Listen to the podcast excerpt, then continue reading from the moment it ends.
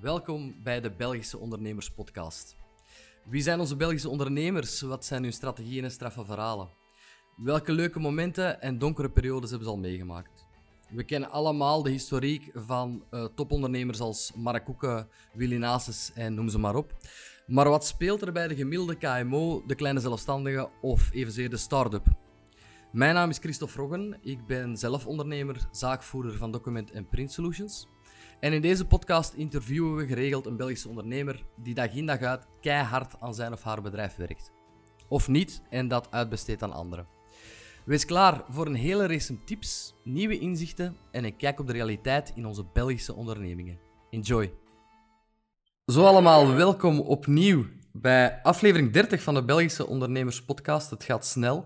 U, voor de kijkers, de luisteraars zien het uiteraard niet. Ik heb een andere achtergrond. Ik uh, ben niet gesponsord. Het heeft alles te maken met onze gast van vandaag. En ik uh, ben blij te kunnen melden dat we vandaag een gesprek hebben met, ik denk, de bekendste uh, verzekeraar van het land. Of hij, zo voel ik dat toch aan. En ik heet hem daarbij ook hartelijk welkom. Welkom, Peter Kalant, in onze podcast. Goedenavond, Christophe. Dag Peter. Mijn allereerste vraag is altijd: hoe gaat het met jou? Met mij gaat het goed. Met mij gaat het zeer goed. Absoluut. Niet teenstaande de, de corona-perikelen en uh, wat er allemaal mee gepaard gaat. Maar uh, we voelen ons goed. We zijn gelukkig. We zijn gezond. Voilà. En, uh, de, en de, de zon scheen vandaag en ja. gisteren. Dus Inderdaad. Helemaal oké okay, Super. Warmste februari-dagen ooit. Zeg, um, jij bent 54 jaar, je bent de CEO van Calant Verzekeringen en Financieel Advies. Je werkt op dit moment ongeveer met een 130 werknemers, maar je bent begonnen vanaf nul, hè? Ja, absoluut. Ik ben in 91 begonnen vanaf nul. Dus we zijn 30 jaar verder. Ik heb een twintigtal overnames gedaan door de jaren heen. Dus we zijn een, een groeibedrijf die elke dag voluit gaat. Oké, en hoe ben je gestart? Ja, ik ben van opleiding boekhouder. Ik heb daar wat verzekeringen in de avondschool bij gestudeerd. Ik was boekhouder in een transportbedrijf. En zo uh, rol je in iets wat je misschien op voorhand ook niet altijd uh, kunt plannen. Het leven is soms een eenschakeling van toevalligheden. En uh, voilà, dan uh, heb ik de beslissing genomen om een boekhoudkantoor en verzekeringsmakelaar over te nemen tegelijkertijd. Ja. Ja. Vroeger zag je dat meer dan, dan, uh, dan nu. En boekhouding en verzekeringen. En zo ben ik erin gerold, ben ik gestart in 1991 in uh, Geest aan Zee. Helemaal alleen dan?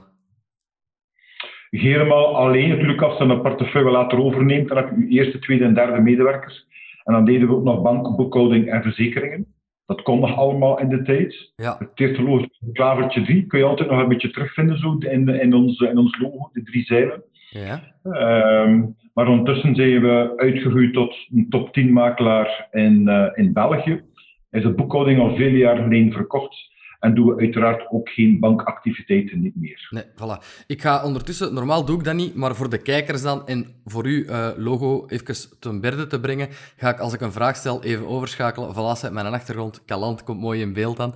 Uh, Peter, mag ik zeggen dat jij, enfin, ik ken u vooral, en ik denk heel veel mensen, van de sportsponsoring, dat je vooral daar je bekendheid en je naamsbekendheid mee uh, gehaald hebt?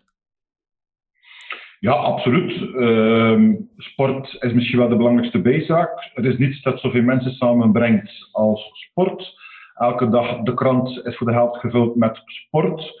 Dus wij gaan effectief, sport is ook een kernwaarde bij klantverzekering. We gaan sport gebruiken ja. om uh, in beeld te komen. We gaan sport gebruiken om klanten te soigneren. We gaan sport gebruiken om nieuwe klanten te maken. En we gaan ook sport gebruiken om onze, onze medewerkers te faciliteren tot meer fitheid en gezondheid. Oké, okay, intern ook faciliteren tot meer fitheid. Maar wat was de insteek bij uw eerste... Ik weet niet, wie was uw eerste sportsponsoring effectief? Goh, we hebben het altijd uh, divers gedaan in heel veel sporten tegelijkertijd. Uiteraard koning voetbal. Dus voetbal is altijd aanwezig geweest. En het wielrennen ook, die twee. Uh, koning voetbal en dan misschien uh, keizer wielrennen als geweld. Ja, ja.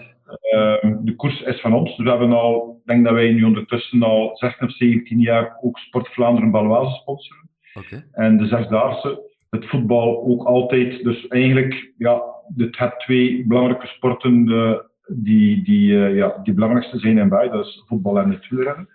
Maar wat ook altijd gedaan is in de kleinere sporten, basketbal, volleybal, zelfs triathlon, judo, zwemmen. Dus altijd de sport gebruikt om, uh, ja, om verbinding te maken met uw klanten, uw medewerkers, of ook naar buiten te treden met een, uh, een storytelling. Ja, want allee, ik ga het al even ertussen gooien, dan moeten we dat straks niet meer doen. Sommige mensen zullen uw naam en uw gezicht ook misschien wel kennen van het voorzitterschap bij uh, Oostende dat je toen hebt overgenomen. Dus het is niet enkel sponsoring, sport en voetbal zit effectief wel in je hart. Um, koppel je dat heel hard aan ondernemen, sport en een club leiden? Ja, ik denk dat een clubleiden uh, zeker uh, ondernemerschap is, absoluut. Anders dan in verzekeringen, maar wat dat geen sport daar zoekt, is altijd ook die emotie. Mhm. En als dan een voorzitter of supporter of sponsor, uh, emotie verbindt mensen met elkaar.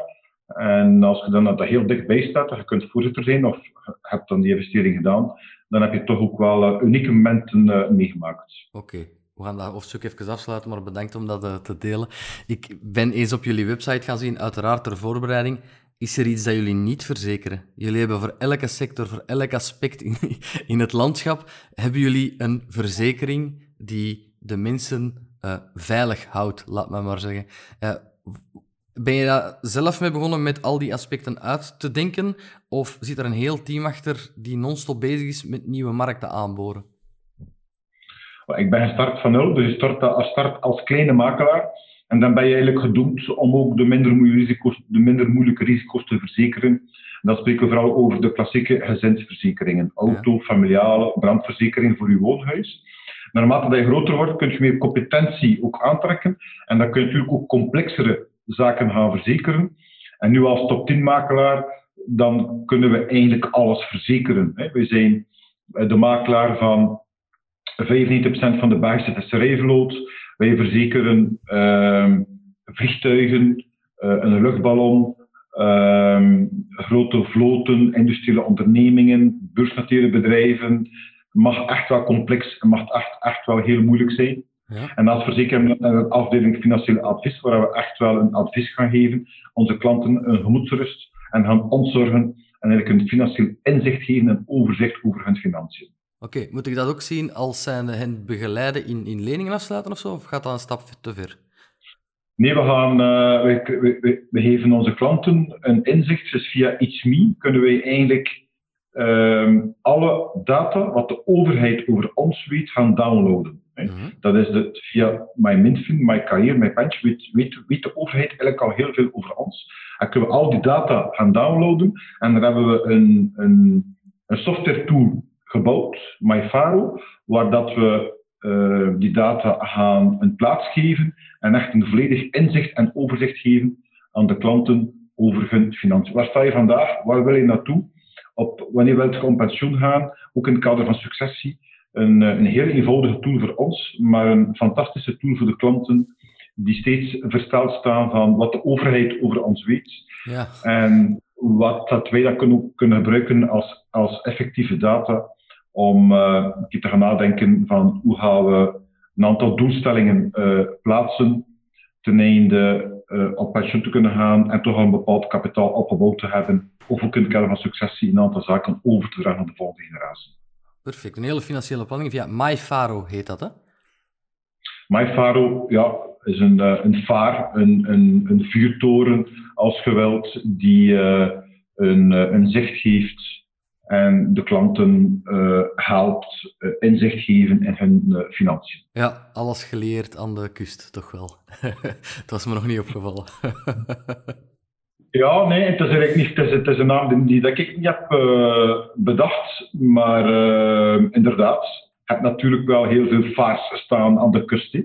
inderdaad. Ja. ja, dat klopt. Oké, wat jij bent nu CEO. Hè? Waar hou jij je voornamelijk nu mee bezig binnen Calland?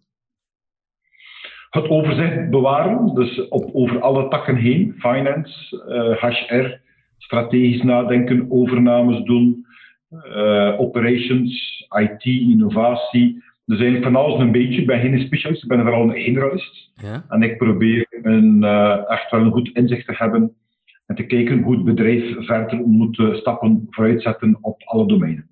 En je bent daar vrij visionair in, rekening houdende met wat ik net zei van de website.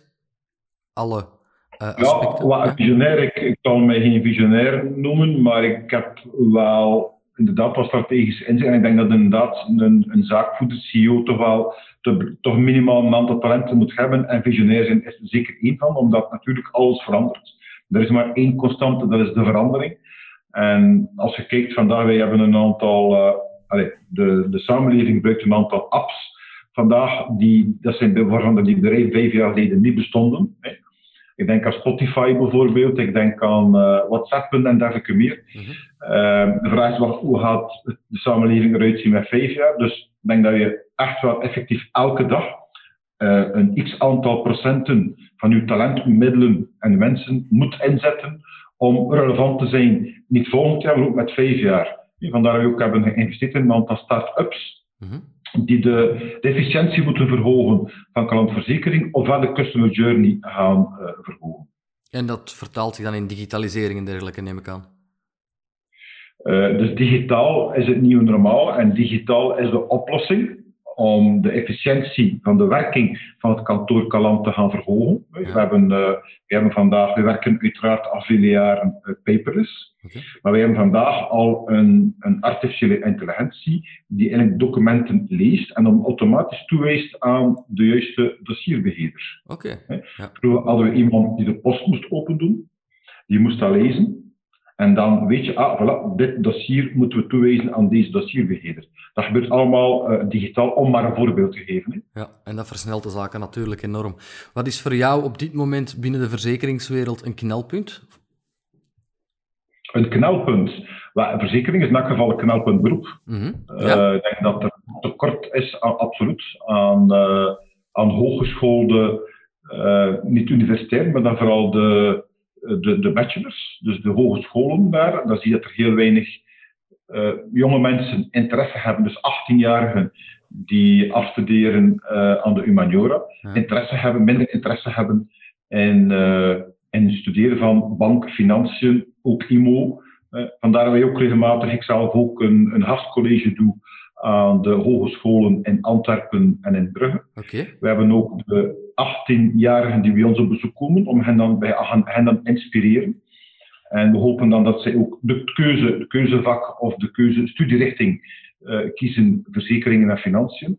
Dus, uh, en we weten allemaal dat er meer mensen straks op pensioen gaan en minder jonge mensen op de arbeidsmarkt komen. Dus de krachten um, of verzekering als knelpuntberoep zal er enkel alleen maar op verslechteren. Oké, dus het is vooral de opvolging dat op dit moment een enorm knelpunt is.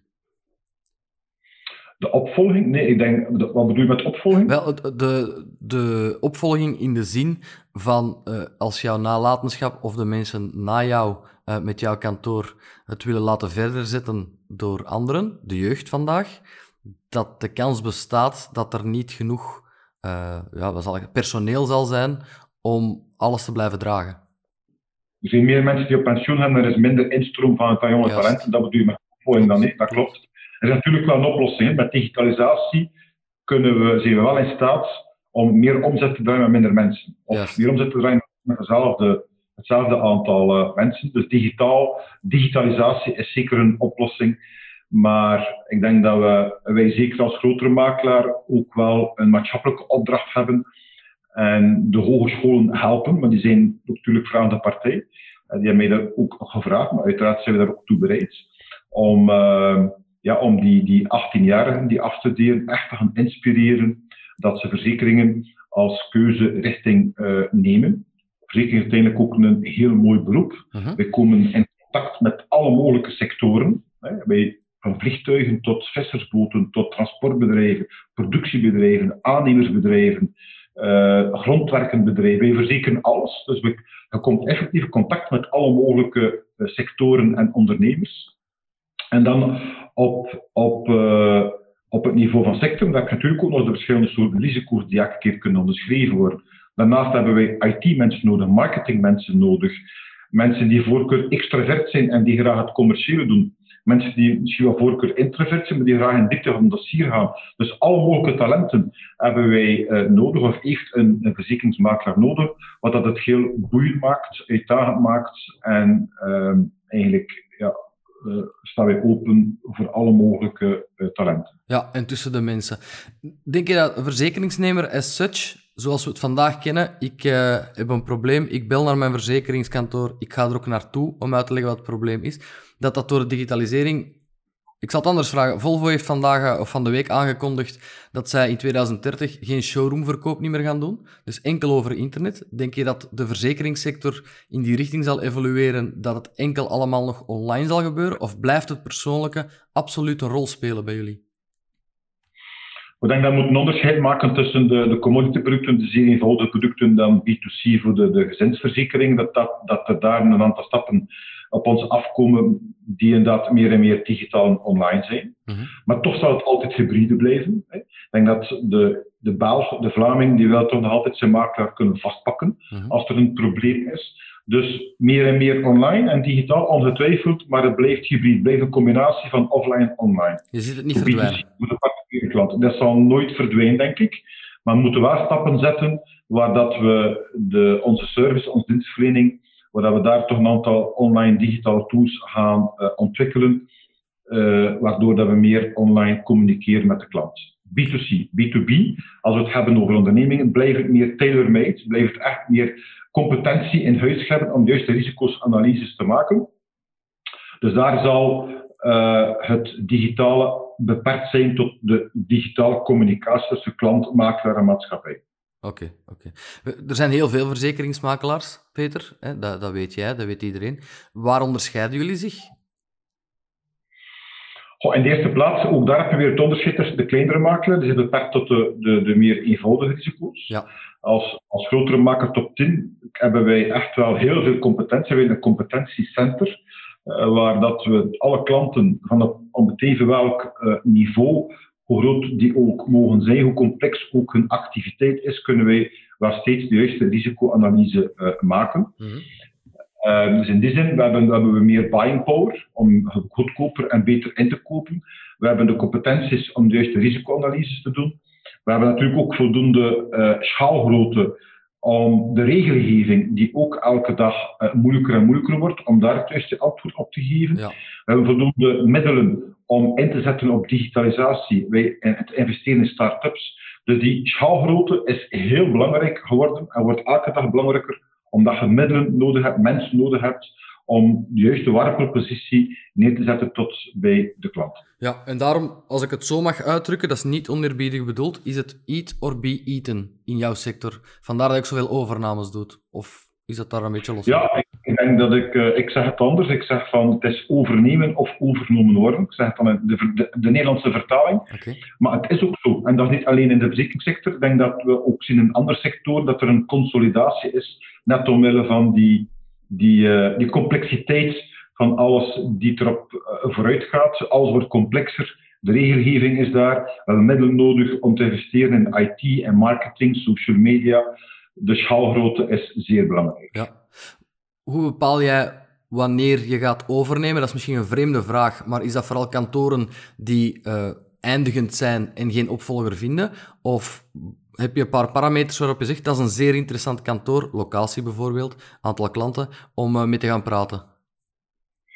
We hebben eigenlijk steeds kantoren tot nu toe overgenomen die zichzelf hebben gemeld bij ons. Dus ik okay. heb een, een aanbod aan kantoren die steeds kalend uh, zoeken, zeg maar. Ik denk omdat wij een, een mooie naam hebben, een goede naam hebben, een positieve notoriëteit hebben. Dus op dat vlak is het eerder reactief en niet proactief. En dan gaan we natuurlijk gaan kijken als er een match is ja. um, tussen de bedrijfscultuur, ook heel belangrijk, want de fundamenten van gelukkige medewerkers is eigenlijk de, de diepe wortels moet toch een, een positieve bedrijfscultuur zijn. En bij ons is dat gelukkige medewerkers zijn het resultaat voor tevreden klanten. We zijn echt een HR-gedreven bedrijf. Mm -hmm. Zelfs op dat vlak, als er geen match is, dan gaan we ook geen overname doen en hebben we ook geen interesse. Oké, okay, perfect. De waarde van het bedrijf. Sorry. De, de waarden, de kernwaarden van het bedrijf uh, zijn inderdaad essentieel en maken, uh, maken een, een, ja, een mooie bedrijfscultuur. We willen graag een mooi bedrijf zijn met mooie mensen en mooie waarden. Dus effectief zeer essentieel voor klantverzekering. Fantastisch. Je spreekt over werknemers die tevreden moeten zijn, die graag moeten komen werken. Uh, mag bijna niet aanvoelen als werk, als ik het zo mag zeggen. 130 mensen, hoe hou je die tevreden?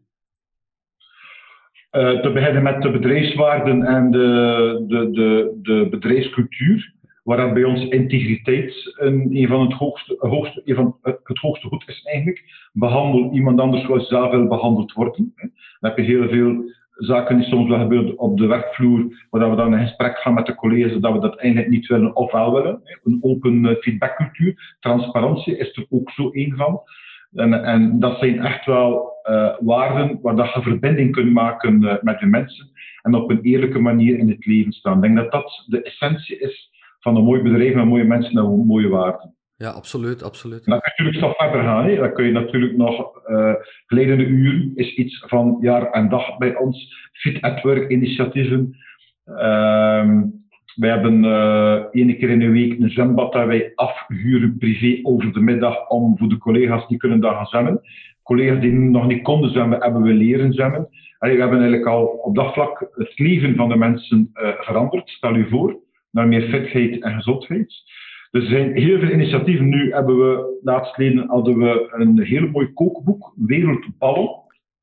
is een, uh, een, een mooi kookboek waar dat je balletjes kunt uh, bereiden op verschillende niveaus, of ik bedoel met verschillende recepten. Ik heb zo een boek cadeau gedaan aan alle collega's. En één medewerker had het idee om ander, een andere medewerker uit te nodigen, of eigenlijk uit te dagen, om een recept klaar te maken. En zo ontstond er uit het niets een, uh, hebben alle collega's eigenlijk een recept klaargemaakt, naar fotootjes gemaakt, gepost op social media. En dan zie je een, een HR-branding ontstaan vanuit de buik, vanuit de ziel van uh, de bedrijfscultuur, vanuit de ziel van mijn medewerkers. Ik heb nu al heel veel verhalen gehoord in heel mijn carrière, Peter, maar dit is toch wel het, het meest uh, unieke dat ik al gehoord heb. Dat is fantastisch. Ja, en dat ontstaat, dat ontstaat omdat, je, ja, omdat je natuurlijk elke dag aan werkt aan die bedrijfscultuur. En dan staan er leuke ideeën. En uh, het is fantastisch om te zien. We hebben trouwens ook een keer een, uh, een live sessie gedaan, waar dat dan de auteur, de dame, de kokkin, mm -hmm. die dan één recept uh, heeft gekozen. En eigenlijk een live kooksessie hebben we dan digitaal, hebben we dus de dame kunnen zien koken, een aantal vragen kunnen stellen. Ehm, als we niet meer face-to-face -face elkaar elke dag zien, dan moet je natuurlijk digitale zaken gaan bedenken. En dat was inderdaad een uh, bijzonder mooi en leuk initiatief om terug die verbinding te maken met de collega's. Super, super. Mijn volgende vraag, of een van mijn volgende vragen ging zijn, is er iets bij jullie veranderd wegens corona? Eén daarvan is digitale meetings, neem ik aan. Uh, zijn er nog andere zaken waar corona een hele grote rol gespeeld heeft binnen Kaland? Well, ik denk op HR-niveau, iedereen werkt van thuis uit. Dus we hebben nog zelden of, of, of, bijna geen bezoek niet meer van onze collega's. In twee, drie dagen tijd hebben we iedereen thuis uitgerold. Dus iedereen heeft uh, twee schermen. Uh, en kan van thuis uit eigenlijk perfect werken, omdat alle stukken worden bij ons ingescand op het secretariaat en toegewezen aan een dossier, zodat de collega's de dossiers van thuis uit perfect kunnen uh, beheren. Dus op het vlak van HR hebben we, we hebben er ook trouwens enkele weken daarna hebben we een bevraging gedaan bij de collega's. Mm -hmm. Een keer gecheckt van, collega, hoe gaat het met jullie? En ook daar hebben we vastgesteld dat de collega's eigenlijk bijzonder tevreden waren over de snelheid en de manier waarop dat wij ook vertrouwen hebben gegeven aan de collega's om heel snel, uit, heel snel van thuis uit te kunnen uh, en te mogen uh, werken. Ga je dat doortrekken? Eens dat alles terug open gaat? We gaan dat sowieso doortrekken, absoluut. Uh, Post-corona gaan wij uh, de medewerkers de kans geven om één of twee dagen, of misschien zelfs meer, van thuis uit te werken. In het kader van de work-life balance. We hebben toch gezien dat we heel veel tijd verliezen voor, om ons te verplaatsen van thuis naar het werk en omgekeerd. Uh -huh. uh, dus we gaan daar zeker verder op inzetten. Dat staat in de sterren geschreven, absoluut. Ja, Oké. Okay. Maar dat wil niet zeggen dat je kantoren, je gebouwen zal, uh, zal sluiten, maar dat er gewoon een flexibeler werkschema komt thuis, uh, ik bedoel aan privé en op locatie, op kantoor zelf. Ja, wij zijn een groeibedrijf, dus we gaan blijven groeien en inderdaad, de vierkante meters kunnen gebruikt worden voor meer mensen. Dus in die zin is dat ook, in die zin, in die zin zelfs misschien een besparing. Uh, maar omdat die vierkante meter kost natuurlijk wel een pak geld. Maar de essentie is natuurlijk dat je moet vertrouwen geven in de mensen om van thuis uit te werken. Oké. Peter, deze podcast stelt ook soms vervelende persoonlijke vragen. Niet vervelend, maar wel persoonlijk. Doe je zelf nog iets van sport? Uh, iets om te ontspannen? Wat is jouw uh, moment van even alles los te laten in je hoofd en, en eigenlijk bijna aan niks te denken dat met werk te maken heeft? Heb jij die momenten? Uh, ik heb jaren triathlon gedaan. Je kunt het niet zien, maar ik, ben, ik heb vandaag weer wat last van, van overgewicht. De camera dicht Voilà, dat ook. dat zal er ook niet, mij niet op vooruit helpen. Nee, maar ik heb, uh, ik heb een, een kleine tien jaar toch wel als triatleet door het leven gegaan, een bedrijfsatleet. Ik was een zeer fitte uh, ondernemer. Nu terug wat kilo's bijgekomen. Dus ik heb drie Ironmans gedaan. 3,8. Uh, ze hebben 180 fietsen in een marathon lopen. Heel veel halve, halve Ironmans, heel veel kwartjes. Uh, en dan heb ik een hernieapparatie gehad na mijn laatste uh, Ironman. Dan ben ik overgeschakeld op half. Dus wij, houden samen met de familie, met de kinderen. Um, voor mij ook wel een hele mooie sport. En dat kunt je nog doen tot u 75, 80, 85, als het goed gaat natuurlijk met uw gezondheid. Uh, een lange wandeling, een mooie wandeling. Af en toe wel frustratie voor dat balletje, maar die in het gaatje moet. Hè. Maar uh, een zeer mooie sport in de buitenlucht is trouwens ook heel succesvol in het kader van corona. Zie een enorme opmars uh, aan, uh, aan halvers die de weg gevonden hebben, of aan mensen die de weg gevonden, hebben naar de half trainen. Dus voor mij absoluut wel een, een, een, mooie, een mooie sport. Dat kunt je samen doen met uw kinderen, met anderen, met, met, met uw dame. Maar leeftijd, goed spelen, slecht spelen, geslacht, maakt allemaal niet uit. We kunnen dat perfect allemaal samen doen. Maar ik zal het maar toegeven dan. Uh, in aflevering 1 van deze podcast, ongeveer vorig jaar april, heb ik uh, Geoffrey Petier nog een beetje uitgelachen met zijn... Uh, toen ik vroeg, sport jij? Zei hij golfen. Heb ik een beetje gelachen. Ondertussen golf ik zelf. en ik ben blij dat je zegt, slecht spelen mag ook, want het gaat niet heel goed. maar ehm, ik volg wel volledig dat moment dat je op die koord staat en tegen dat je eraf komt, ja, is je hoofd volledig leeg, heb je genoten en alleen maar met dat balletje dan bezig geweest. Het is een fantastische sport, dat klopt. Ja, absoluut. Eh, als je dus zoals op skilatten, nee, als je op skilat staat, dan, dan uh, is de focus full. Het ski en golf eigenlijk hetzelfde. Je bent met je golfsport bezig. Je hebt een bal te slaan, ondertussen weet je al, ben je al bezig van wat, wat gaan de volgende slag zijn. Uh, dus alles wordt, wordt uh, losgelaten en de focus is er volledig in het kader van, de, van het golven, van de golfsport. En dat is wel, ja, dat is mooi. Dat is, en ook in, in de buitenlucht, de frisse wandeling. Elke, na elke uh, 18 holes slaap je zeer goed ja. s'avonds. Ja. Als, je, als je ooit de tijd en zin hebt om mij iets bij te leren en even een dag mentor te zijn, dan kom ik graag een keer af hoor, absoluut. Van harte welkom. Oh, dankjewel. Wat ik niet en nooit begrepen heb, en dat is omdat ik een voetballer was, ik heb nooit uh, veel fysiek gehad. Mensen die een triathlon en dan vooral een Ironman doen, ik, dat is toch puur mentaal. Fysiek is niemand toch zo sterk dat dat zonder het mentale vlotjes verloopt. Ja, ik denk een beetje zoals in het, uh, in het leven, in het dagelijks leven. Mentaal, het, je mentale batterij, je sociale batterij, je fysische batterij. Fysische batterij uiteraard ook belangrijk. Uh, marathonlopen doe je maar als je fysiek helemaal oké bent. -hmm. Maar de Ironman ga je natuurlijk een aantal keer door die muur, dat klopt. De laatste 10, 15 kilometers van je marathon, want je hebt dan al gezwommen en gefietst, dan ga je effectief een aantal keer door die muur. Uh, maar ook de vele trainingen die voorafgaan aan een Ironman, ook dan ga je toch regelmatig je schoenen aantrekken tegen de goesting. Uh, dus mentaal heel belangrijk. Maar er is nog een derde batterij die ik ook, die ik ook heel belangrijk vind, is gelukkig zijn. Je ja. sociale contact het werk met je familie. Dat zijn, en dat zijn drie verschillende batterijen die ervoor zorgen dat je sterk staat, die, dat je opgeladen hebt, dat je gigantisch veel energie hebt, um, dat je elke dag kunt presteren of vanuit gaan. Um, dus het is niet alleen fysisch, het is ook mentaal en uiteraard ook de emotionele batterij. Absoluut, absoluut. Hoe ziet jouw gemiddelde werkdag er eigenlijk uit? Als ik dat zo onbeleefd mag vragen. Ik bedoel, wanneer start jij, wanneer stop jij? Is dat, um, zoals wij allemaal denken, non-stop of valt dat nogal mee?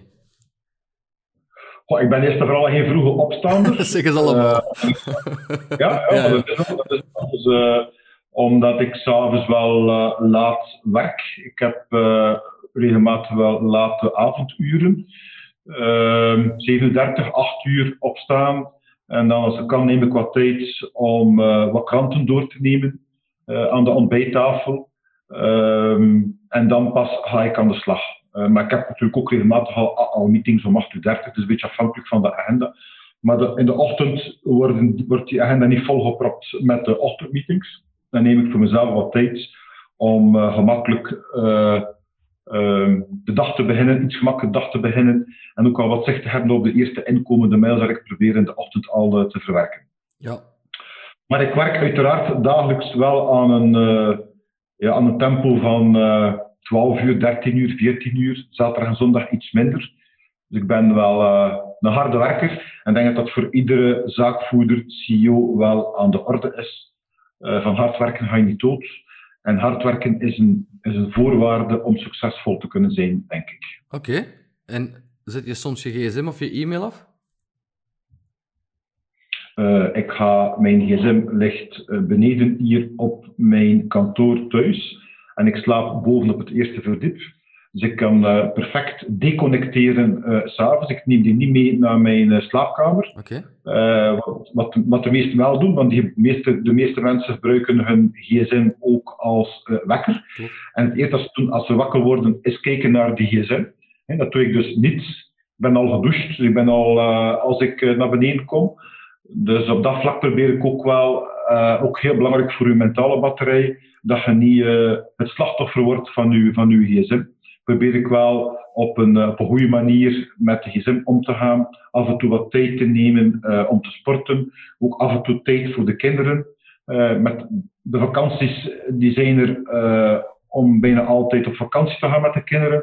Dus het juiste balans zoeken is zeer belangrijk om elke dag vooruit te kunnen gaan en ook gefocust te zijn. Ja, maar niet gemakkelijk, hè? want ik, ik, ik kom soms thuis eten met gezin en dan hoor je toch die e-mail binnenkomen, dan wil je toch eens checken wat dat was. Het is niet makkelijk om het los te laten. Hè? Ja, ik, dat is misschien ook wel een van mijn talenten, discipline. Anders, anders is het moeilijk om, om drie Ironmans te doen, denk ik. Dat is echt effectief kiezen, wat doe ik nu of wat doe ik niet. Okay. Aan tafel zijn er nooit geen gsm's bij ons. Uh, dat, is een, dat is een gewoonte. Uh, dus daar proberen we toch wel respect voor te hebben als we aan tafel zitten samen met het gezin. Nu, ik ben, ik ben in de week, uh, s'avonds, uh, ben ik niet altijd aan tafel met mijn kinderen voor de orde, maar de weekends dat wel. Ja. Maar daar hebben we toch wel discipline om de gsm uit te zetten en de gsm niet mee te nemen aan tafel. Hele goede tip. Voor de mensen die, die nu denken, uh, Peter is al, al ja, 20 jaar langer bezig. Wat is zo de, de herinnering die u in al die jaren het meest is bijgebleven? Het eerste waar je nu zo, wat nu in u opkomt. De herinnering waarvan je zegt, op zakelijk vlak? Ja, of privé. Maar liefst zakelijk eerst, ja? Goh, ik heb... Uh, ik, ik heb weinig momenten of zo weinig van die zaken waarvan dat je zegt die eruit springen van dat is het nu. In de positieve en de negatieve zin. Ik denk dat, dat alles uh, geleidelijk gebeurt en dat er geen, uh, aan de ene kant geen rampen waren, aan de andere kant niet, niet ook zo één groot succes of één groot moment. Um, ik geloof in de geleidelijkheid, ik geloof in evolutie, niet in revolutie. En ik denk dat, dat, dat, dat iedereen voor zichzelf moet uitmaken, maar ik probeer door duurzaam te ondernemen elke dag een klein stukje te bouwen. Ja. En vooral voor te zorgen, als we een stap vooruit zetten, dat we morgen een stap achteruit moeten zetten. Dus geen verlies hebben aan energie. En uh, als we een kathedraal uh, bouwt en je bouwt de ene of de andere muur, je moet dan weer die muur afbreken. Dus ik denk dat, dat dat de essentie is van waarom dat wij uh, uh, ja, groot geworden zijn, zeg maar, door elke dag te groeien. Ja. En te voorkomen dat we uh, na 1, 2, 3 jaar moeten terugkomen op, op beslissingen die, die totaal verkeerd waren, of te impulsief waren, of, of elke dag voluit gaan, maar um, ja, op, een, op een toch een rustige uh, manier en echt altijd met het, het, het, zicht op iets moois, duurzaam bouwen. Neem je nooit impulsieve beslissingen? Impulsieve beslissingen denk ik niet. Wel altijd beslissingen die het evenwicht zijn van ratio en emo. Hè, Okay. Altijd. Evenwicht zoeken moet rationeel oké okay zijn, maar je moet ook een goed gevoel hebben uh, bij de zaken. Dus het is altijd een evenwicht. Uh, dus echt impulsief van we gaan die dingen nu doen en dan nee. Ik, denk dat, ik, ik, ik ben een rustige persoon, denk ik. Uh, dus heel snel en impulsief reageren. ben wel iemand met daadkracht, dus, dus daadkracht staat ook over het algemeen om, tegelijkertijd ga je dan snel dingen doen. Daadkracht is over het algemeen snel. En insights, ik heb misschien de insights, de, de, de, de persoonlijkheidsprofiel, ben ik rood-groen. Okay. Rood is daadkracht en groen is dan eerder introvert en um, gemoedsrust. Nee, gemoedsrust niet. Introvert, introvert uh, denken. En rood is eigenlijk extrovert. Nee, rood is extrovert denken en groen is introvert voelen. Voelen. Waardegedreven. Ja. Inderdaad, waarden, uh, empathie is, is groen. Ja. En dan is eigenlijk tegenovergestelde heb je dan rood daadkracht. Hè? Dat is actie. Nu. Leiderschap. Uh, en leiderschap, ja, leiderschap kun je ook vanuit andere ja. kleurtjes of, uh, of leiderschaps- of, of persoonlijkheidsprofielen. Het is een kwestie van, van te weten wie ben je, waar ben je goed in, waar ben je minder goed in, en je te laten omringen door, uh, door uh, mensen die uh, dat je vertrouwt en waar je samen mee kunt elke dag vooruit gaan. Oké. Okay. Je hebt een heel uitgebreid netwerk opgebouwd, uiteraard. Ga je zelf ook nog veel netwerken de laatste jaren? Doe je dat nog actief? Absoluut, via de sport regelmatig. Ja. Uh, vrienden, connecties, netwerk uitnodigen samen naar de voetbal, samen naar de koers. Uh, er is niet dat zoveel mensen samenbrengt dan, hè, dan sport en muziek. Hè. Dus dan, ik doe het ook heel graag. Voor mij is dat eerder ontspanning dan inspanning. Dus we, gaan, we zijn elk weekend zijn we wel, uiteraard met corona niet, maar zijn we wel aanwezig op uh, deze of geen voetbalwedstrijd of uh, muziekevenement. Oké, okay. je speelt zelf geen muziek. Het was echt naar muziekevenementen gaan dan? Ik, wij spelen, uh, ik speel zelf geen muziek, maar ik heb een, een zeer mooie piano staan in, het kasteel in uh, Oostkamp. Een piano van 1895. Het kasteel is van 1873, zo'n beetje dezelfde periode. waar we af en toe wel een pianist uitnodigen om klassieke muziek, pop, jazz uh, te brengen, samen met klanten, samen met medewerkers. Mooi. Um, mooi, leuk en ook um, emotioneel, emoties. De muziek brengt, brengt emo uh, met zich mee, wat dat weer opnieuw verbindt. Ja, je, je zegt kasteel, dat gaan we even moeten verduidelijken voor iedereen. kasteel, je bent kasteelheer, of is, is dat de... Het, eh, ons kantoor in Oostkamp uh, is gevestigd uh, op domein De Cellen. Ik heb dat acht, negen jaar geleden kort zet daar een kasteel op. heb de kasteel nog helemaal gerenoveerd. Kasteel van 1873 is echt wel de moeite waard om een keer uh, te bezoeken. Dat is ja, dus kasteel, kasteelheer in de zin dat we, het, dat we het kasteel hebben gekocht om te delen met mijn medewerkers. Geen kasteelheer in de zin dat ik er zelf privé woon. Uh, ook al woon ik heel mooi in een heel mooi huis. Maar uh, um, dus in die zin, uh, de collega's kunnen genieten elke dag van heel mooi groen kader, 10 hectare. fantastisch mooi kunnen doen daar ook een wandeling. dagelijks wordt, er daar gewandeld. Een prachtige, mo mooie groene oppervlakte voor het kasteel waar er gesport wordt. Uh, elke donderdag hebben wij bezoek van een, een, coach, een trainer, die de collega's begeleidt in het kader van lopen, rompstabilisatie uh, en andere dingen. Dus het kasteel wordt echt wel gebruikt in zijn mooiheid, hè, maar ook in de, de natuur rond om te bewegen. Ja, ik was al jaloers vanaf dat ik wist dat er een piano stond, maar je hebt het uh, nog veel erger gemaakt, dankjewel. fantastisch, fantastisch. Peter, um, heb jij zelf nog een mentor? Goh, ik heb een raad van uh, advies. Dat zijn uh, drie uh, mooie mensen die mij challengen. Oké. Okay. Dus in die zin wel goed. En dat een CEO ook verplicht is om eigenlijk te rapporteren en daar gechallenged wordt door een onafhankelijke raad van advies. Die er echt wel goed in zitten, die mij goed kennen. Um, en die uh, ons, mijzelf en ook het directiecomité probeert op een hele mooie manier uit te dagen. Uh -huh. Ik heb zelf ook een, een, sessie gedaan van een tweetal jaren op zoek naar mijzelf, naar mijn persoonlijkheid. Vertel. Ja, dat is een sessie met andere CEO's. Uh, en dat is, dat is lastig. Dan krijg je echt een spiegel voor u. En leert je jezelf ook beter kennen. Dus ook dat is wel uh, verrijkend voor iedereen als mens om zichzelf te leren ontdekken. En ook te ontdekken waar dat je heel snel gefrustreerd bent of uh, de ander niet begrijpt, omdat de ander dan een andere persoonlijkheid heeft. Uh, dus ook wel heel boeiend en heel verrijkend voor mijzelf geweest. En wacht, terwijl ik het vraag, ga ik nog even Calant in mail brengen. Voilà, dat is daar weer ook weer bij. Vertel, die, die sessie die je gedaan hebt om jezelf te ontdekken, uh, via welke weg was dat? Wat heb je daar geleerd? Je bent jezelf tegengekomen. Ben je daar, uh, op welke manier ben je daar veel sterker uitgekomen? Ja, zoals ik, dat juist zeg, omdat je niet altijd beseft wie dat je bent. Um, en mensen die heel, die heel emotioneel reageren, mensen die altijd vanuit verstand reageren, mensen die heel introvert zijn en die traag reageren of emotioneel, heel, heel emotioneel reageren. En door jezelf te ontdekken, um, leer je ook respect hebben voor iemand anders. En heb je minder frustraties voor iemand met een tegenovergesteld. Ja. Ook dat is heel belangrijk op de werkvloer.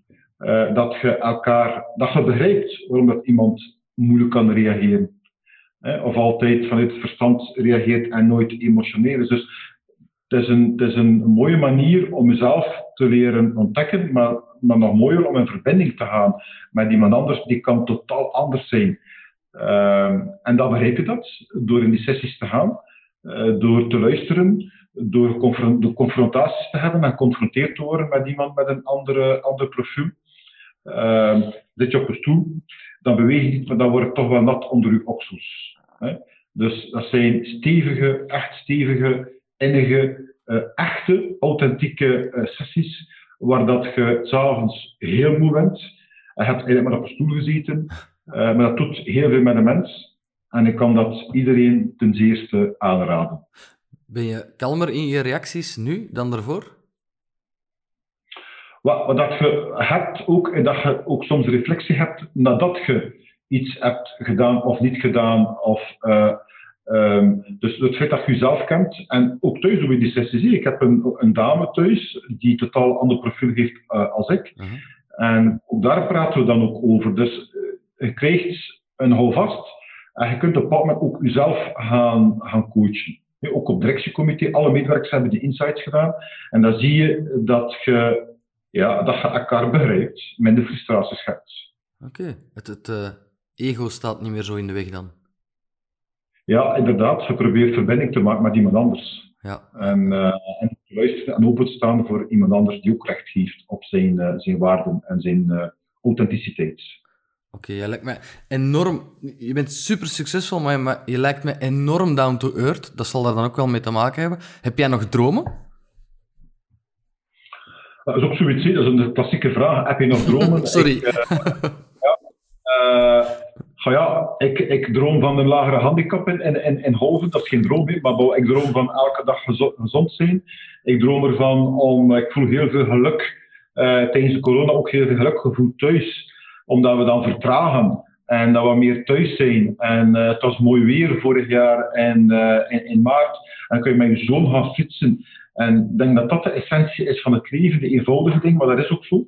Uh, ik hoop dat we terug straks een mooie maand maart hebben en dat ik, ik heb nog nooit zo, zo, zoveel kunnen genieten van de bloesems zien aan de boom uh, ontstaan en, en groeien. En ik denk dat dat, dat is iets wat mij enorm veel geluk geeft. Um, dus ik denk dat dat de essentie van het leven is. Uiteraard ben ik wie ik ben. Ik, wil, ik zal nog blijven uh, gaan proberen nog de komende jaren verder te groeien. En het bedrijf uh, verder uit te bouwen. Hoop ik dat het bedrijf kan overlaten aan de volgende generatie. Dat geeft mij ook energie. Dat zijn zaken waar ik elke dag mee bezig ben. En dat doe ik, en dat probeer ik te doen, goed te doen door stap voor stap elke dag een klein beetje in die zin en in die richting uh, te bouwen samen met mijn mensen en samen met mijn gezin. Uh, je doet echt graag wat je doet, hè? Dat straalt er gewoon vanaf. Absoluut, absoluut. Ja, dat is ook zo. Is dat, dat zal wel een standaard tip zijn ook aan nu mensen die uh, aan het studeren zijn of jonge ondernemers die het begonnen zijn. Doe wat je graag doet, maar heb je zo nog andere tips aan startende ondernemers op dit moment in volle coronacrisis? Goh, dat is, dat is tips. Nou, ik denk dat je vooral jezelf moet uh, ontdekken, leren kennen en dan uh, ook beseffen als je al in staat bent om CEO te zijn of zaakvoerder te zijn, want er wordt heel veel gevraagd van een zaakvoerder. Uh, En niet onbelangrijk hard werken, niet onbelangrijk durven risico's nemen. Hè. Eh, niet iedereen kan dat, wel dat. Je moet ook wat, wat stressloos zijn en toch risico's nemen. Dus je hebt dan bepaalde talenten nodig, volgens mij, die essentieel zijn om succesvol te zijn als, eh, als zaakvoerder. En als je, ja, het is de laatste keer dat we hier rondlopen op deze planeet. Dus ik denk dat het belangrijk is dat we, elkaar, dat we, dat we onszelf goed kennen. eh, onszelf geen bloemetjes wijs maken. En vooral doen waar onze talenten liggen. Ja, Talent en geluk ligt dicht bij elkaar, omdat je dan met minimale, eh, met minimale inspanning altijd excellente prestaties levert. En als je talent daar niet ligt, dan moet je massaal veel inspanning leveren om tot een middelmatig resultaat te komen. Dus echt op zoek gaan naar jezelf en kijken waar staat de wereld voor mij stil, waar kan ik eh, goed presteren, daar ligt uw geluk. ja. Je zegt ook, durf risico's nemen. Heb jij in al die jaren één of twee keer een risico genomen waarvan je dacht, slik, dat, is, dat is toch wel heel dicht tegen het randje? Well, vooral aan het begin van uw carrière, dan, Ja. dan zijn de risico's grootst. Ehm, om, dan moet je wat, wat geluk hebben, Allee, of geluk moet je ook afdwingen uiteraard. Maar dan moet je toch wel wat, wat springen en, en risico's nemen. Maar uiteindelijk hebben we iets moois opgebouwd, een mooi patrimonium opgebouwd. Ehm, en dan is het al iets gemakkelijker, denk ik, om... eh allee, is dat natuurlijk wel voortgroeien, dat we zeggen, oké, we willen in drie jaar tijd willen verdubbelen in omzet. Ja, dan je natuurlijk ook weer, weer forse risico's gaan nemen. Maar wij hebben de ambitie om elk jaar één overname te doen, dus 10 à 15 medewerkers. En dat zijn dingen dat wij gemakkelijk kunnen eh, behappen. eh, en een ritme dat wij eigenlijk onszelf geen pijn moeten voordoen. Ja, die luxe heb je nu voor jezelf gecreëerd door het de laatste jaren goed aan te pakken. En niet te snel te willen gaan, want dat is vaak een valkuil. Absoluut, niet te snel winnen gaan. En eh, je weet nooit wat er allemaal u kan overkomen. Kijk naar corona. Gelukkig we met corona, ehm, zijn we toch een klein beetje coronaproof. Niet helemaal. Ehm, maar bon, je hebt die altijd alles in de hand. En je ziet wel, eh, zie corona, dat dingen soms uit de lucht komen gevallen. Dus als ondernemer sta je er natuurlijk daar wel alleen voor. En moet je in staat zijn om eh, goede resultaten neer te zetten. Financieel met je mensen moet je kunnen optimaal motiveren. Dus er is heel wat werk elke dag. Als je het goed wilt doen, dan vraagt dat heel veel eh, kracht, energie, leiderschap, strategisch nadenken ehm, om de dingen goed te doen. Oké. Ik, ik heb een eindvraagje, Peter, die ik altijd stel. En dat is: we hebben het juist een beetje over je verleden gehad, maar welke tip zou je jezelf geven als je vandaag terug zou starten? Welke tip zou ik mezelf geven? Goh, ik, ik hou ook wel van eh, optimisme, gedrevenheid, voluitgaan, hard werken. En ik denk, als ik iets aan mijn kinderen wil meegeven, eh, is het ook optimisme. De kracht van, natuurlijk, je wordt geboren met een stukje optimisme. Mhm. Het glas is ook altijd half vol voor mij. Maar ik denk dat het belangrijk is om, eh, als je wilt energie hebben, dat we allemaal op een optimistische manier naar dingen kijken.